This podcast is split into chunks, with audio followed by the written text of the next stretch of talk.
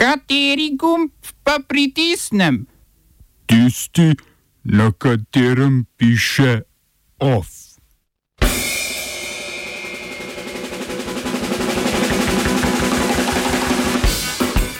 Uporniki v Srednji Afriški republiki pod nadzorom.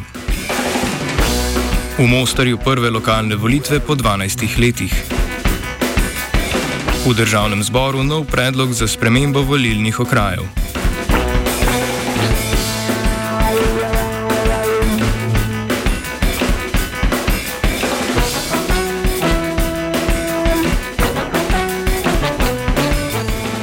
Poveljnik mirovnih sil Združenih narodov v Srednji Afriški republiki Vladimir Monteiro je danes sporočil, da je bila operacija za stabilizacijo države pred prihajajočimi nedeljskimi predsedniškimi in zakonodajnimi volitvami uspešna.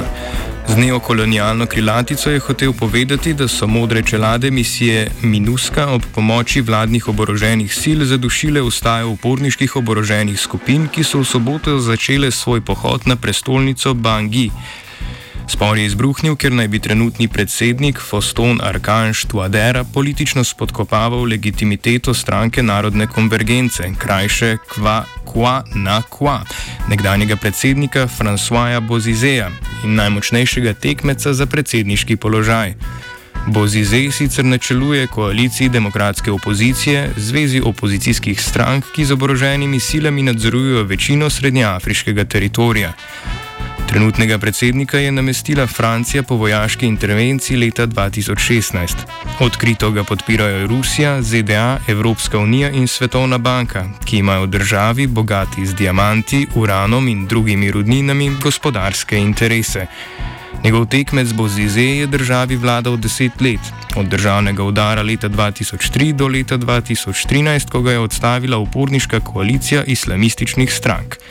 Od tedaj dalje v državi vlada napetost med krščanskimi političnimi formacijami naklonjenimi Bozizeju in muslimanskimi, ki jih podpirajo zahodne sile.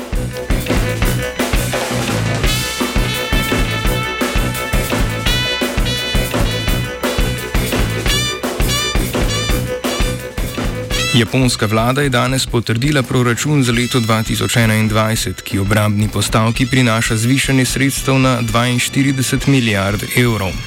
Z doslej najvišjimi izdatki za japonsko vojsko bodo financirali razvoj radarjem nevidnih lovskih letal in raket dolgega dosega ter izdatno ukrepili japonsko mornarico. Rožljanje z orožjem premijeja Jošihideja Suge je namenjeno predvsem petelinjenju pred Kitajsko in predstavlja nadaljevanje vojaške ekspanzije, ki jo je začel njegov predhodnik Shinzo Abe. Koalicija premijeja Suge ima sicer v japonskem parlamentu udobno večino, tako da ugovorov na višanje sredstev ni pričakovati. Kitajska je sicer po uradnih podatkih za oboroževanje v letošnjem letu namenila 140 milijard evrov, medtem ko so ZDA obrambnemu proračunu namenile kar štirikrat višji znesek.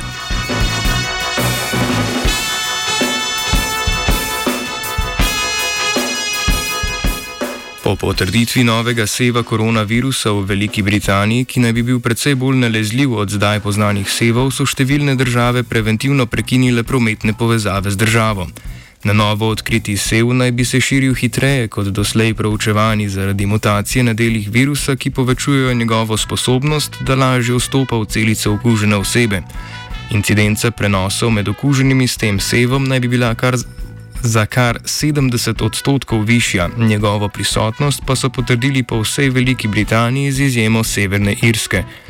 Po napovedi francoske vlade, da Francija naslednja dva dni ne bo sprejemala potnikov iz Velike Britanije, je britanska vlada danes sklicala izredno zasedanje. Letalske povezave je včeraj poleg sosednje Belgije, Francije in Nizozemske prekinilo še 12 drugih evropskih držav. Velika Britanija, ki je še vedno ni uspelo doseči trgovinskega dogovora z Evropsko unijo, bo tako še bolj izolirana.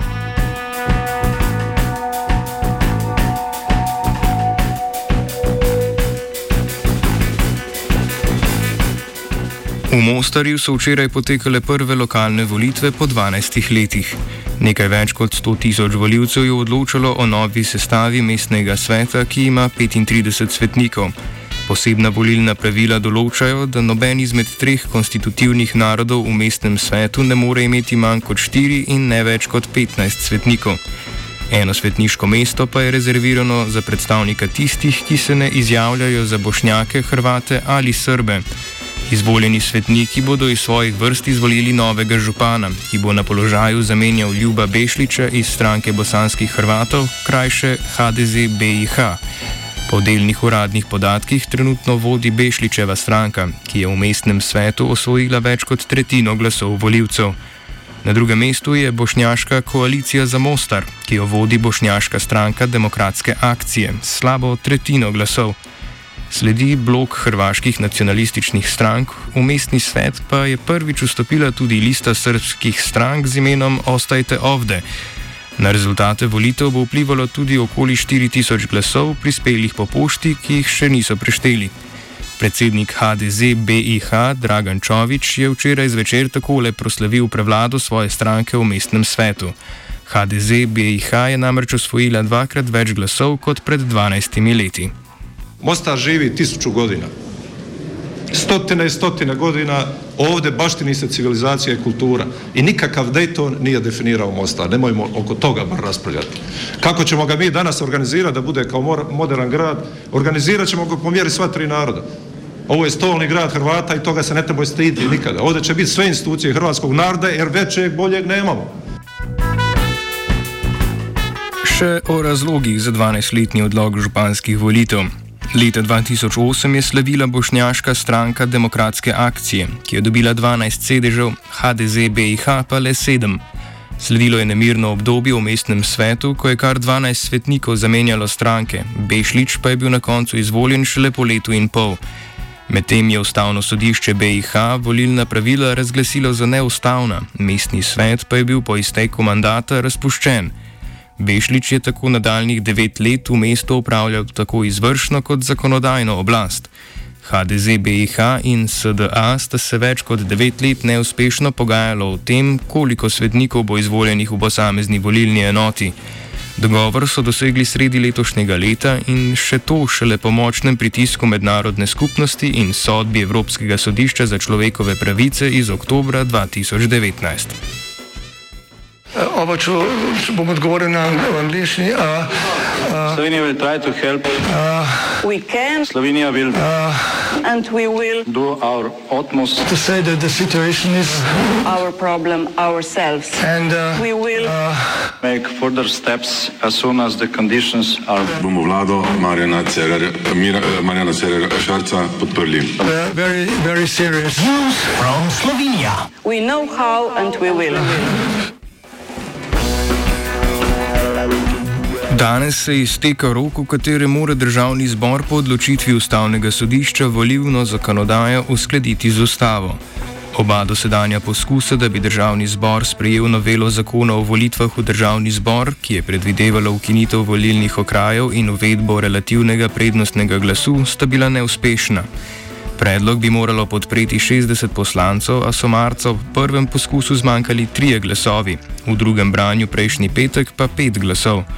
Skupina poslancev s prvopodpisanim Danielom Krivcem iz SDS je danes v obravnavo vložila predlog novele, ki spreminja meje volilnih okrajev.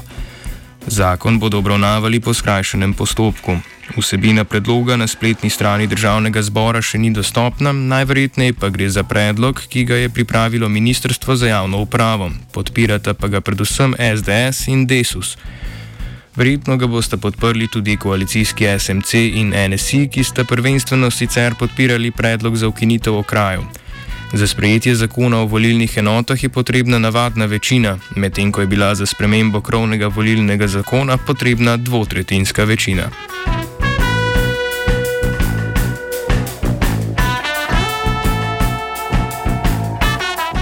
Ministrstvo za pravosodje je v javno obravnavo poslalo predlog novele zakona o državnem toživstvu. Predlog predvideva nekatere spremembe v postopku imenovanj in napredovanj tožilcev ter postopek za prenehanje državno-tožilske funkcije. Med drugim bo opuščena stopnja podaje pripomb kandidata na mnenje vodje državnega toživstva, Določena bosta roka za sprejem odločitve vlade glede predloga ministra za imenovanje državnega toživca ter za izvedbo za prisege novo imenovanih državnih toživcev. Predlagane spremembe natančneje urejajo tudi razmerja med specializiranim državnim toživstvom in njegovimi oddelki, predvsem tistim za pregon gospodarskega kriminala. Novela uvaja možnost, da v slednjem državno toživsko službo upravljajo tudi državni tožilci, ki jih imenuje vlada. Druga nova imenovanja, vključno z napredovanjem v naziv vrhovnega državnega toživca, še naprej ostajajo v pristojnosti vlade. Rok za podajo pripomb je 31. december.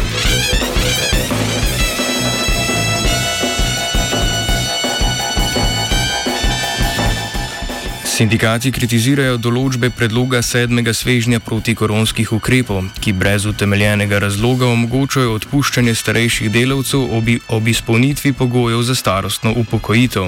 Državni zbor, ki bo zadnji svežen obravnaval 29. decembra, pozivajo naj te določbe črta.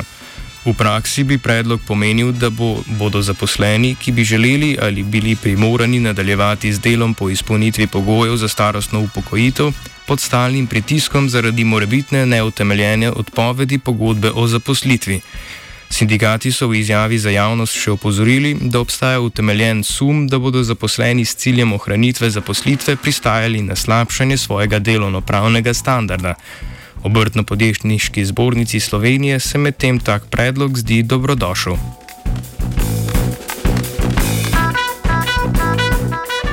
OF je pripravil Dugi.